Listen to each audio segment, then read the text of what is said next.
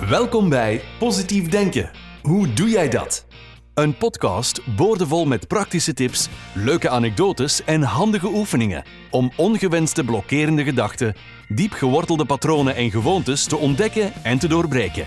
We luisteren naar verhalen van mensen die na ernstige, soms wel traumatische gebeurtenissen in hun leven toch weer het zonlicht zien schijnen. We snakken allemaal zo naar positieve energie, maar soms is die zoek. Positief denken, hoe doe jij dat? Hier is jullie host, Sylvie Dutois.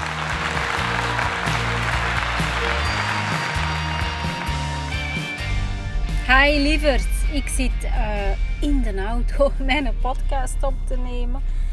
Ik dacht, weet je wat, ik zit hier toch in de auto. Uh, misschien gaat het geluid van uh, de motor een beetje storen, maar dan moet je daar maar niet naar luisteren. Wel, heel veel mensen hebben iets, een idee. Ze willen iets doen in hun leven of met hun leven. Eh, ze willen dingen bereiken. Maar dan heel vaak geven ze die droom op. Nu waarom? Heel vaak komt er dan dat stemmetje in je hoofd. Ik heb het ook nog steeds hoor.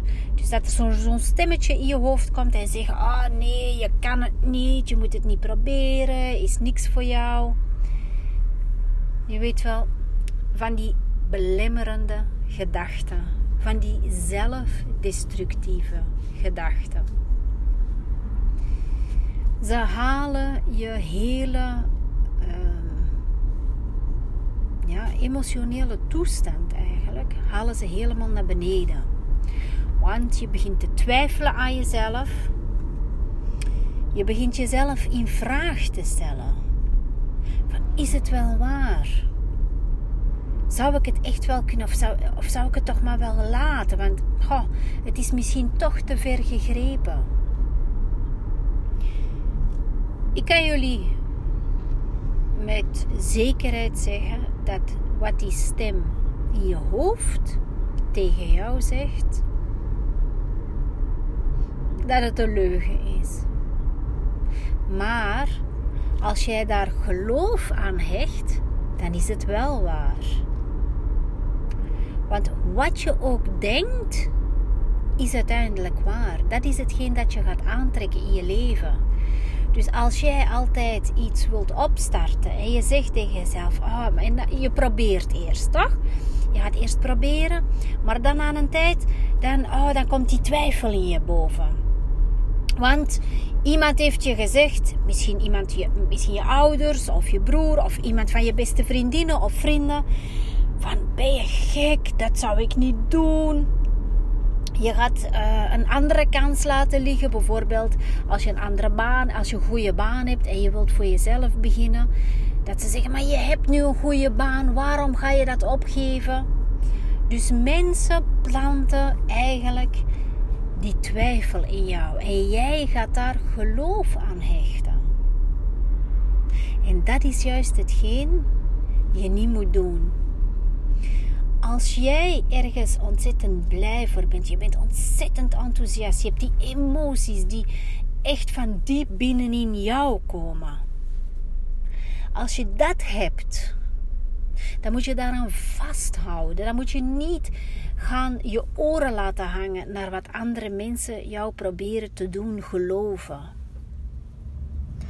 Heel belangrijk is om deze mensen bijvoorbeeld te vergeven. Vergeven dat zij ehm, jou proberen te doen twijfelen. Laat ze in hun waarde. Want elke mens, elke mens in jouw leven denkt anders over jou. Dus elke mens in jouw leven ziet jou anders dan wie je werkelijk bent. Dus waarom zou jij geloof gaan hechten aan wat een ander tegen je zegt? Want als je dat doet, dan eigenlijk zeg je wat jij over mij denkt. is belangrijker dan wat ik over mezelf denk. En wiens gedachte is er nu belangrijk, belangrijker? Die van jou, toch? Wie kent er jou nu beter dan een ander? Niemand. Niemand weet hoe jij je voelt. Weet hoe jij denkt. Neem maar het voorbeeld van die appel of die roze olifant. nee, die roze olifant dat gaat niet, maar die appel. Want met die roze olifant is van, uh, je moet niet denken aan een roze olifant. Dus dat is het eigenlijk niet, het is de appel. Als ik zeg denk aan een appel. Iedereen denkt aan een andere soort appel. De ene denkt aan een groene uh, Granny Smit appel, omdat hij graag uh, Granny Smit eet. De andere denkt aan een gele appel. Een andere persoon denkt aan een rode appel. Of rood met een beetje groen. Voor iedereen is de gedachte over iets of iemand anders. Iedereen ziet jou anders dan wie je werkelijk bent. Dus als jij echt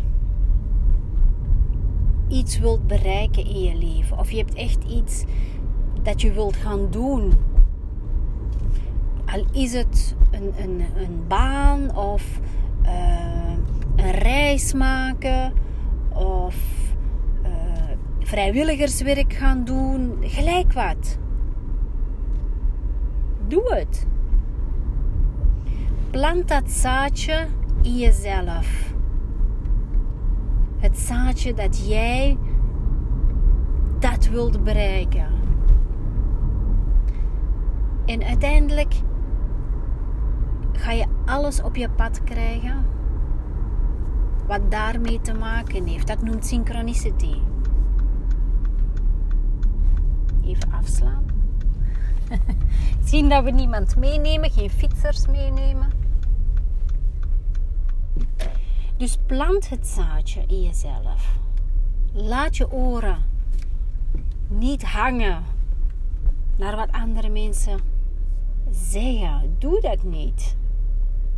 Een voorbeeld, mijn zoontje heeft ADHD in een vrij zware vorm. Hij mag echt geen milligram suiker binnenkrijgen. Want als hij een, een, nog maar 1 milligram suiker binnenkrijgt, sorry, dan, uh, dan begint hij te bouncen als een stuiterbal. En onlangs zei iemand tegen mij. Eerst vroeg die persoon: hoeveel milligram medicatie geef je hem? Ik zeg 20 milligram. En uh, ik zag dat de vraag of de, uh, de gedachte bij die persoon was om uh, het op te schroeven, de, de, de grammage. En ik had die persoon gezegd: Kijk, de psychiater heeft gezegd dat hij niet meer mag hebben van willen zijn gewicht. Want hij groeit wel, maar hij komt niet bij een gewicht. Dus je kan niet verhogen. Toen zei die persoon: Anders moet je, uh, je zoon, maar eens zetten bij uh, de psychiater op een zondag. Dan zal hij wel snel zijn om die dosage te verhogen. nu kan je één heel venijnig terug gaan antwoorden. in de aanval, in de verdediging schieten en in de aanval terug aanval. Of twee, je vergeeft die persoon zijn uitspraak. Want die persoon ziet maar een fractie van mijn zoon. Die kent absoluut mijn zoon niet. Zelfs ik ken mijn zoon niet 100%.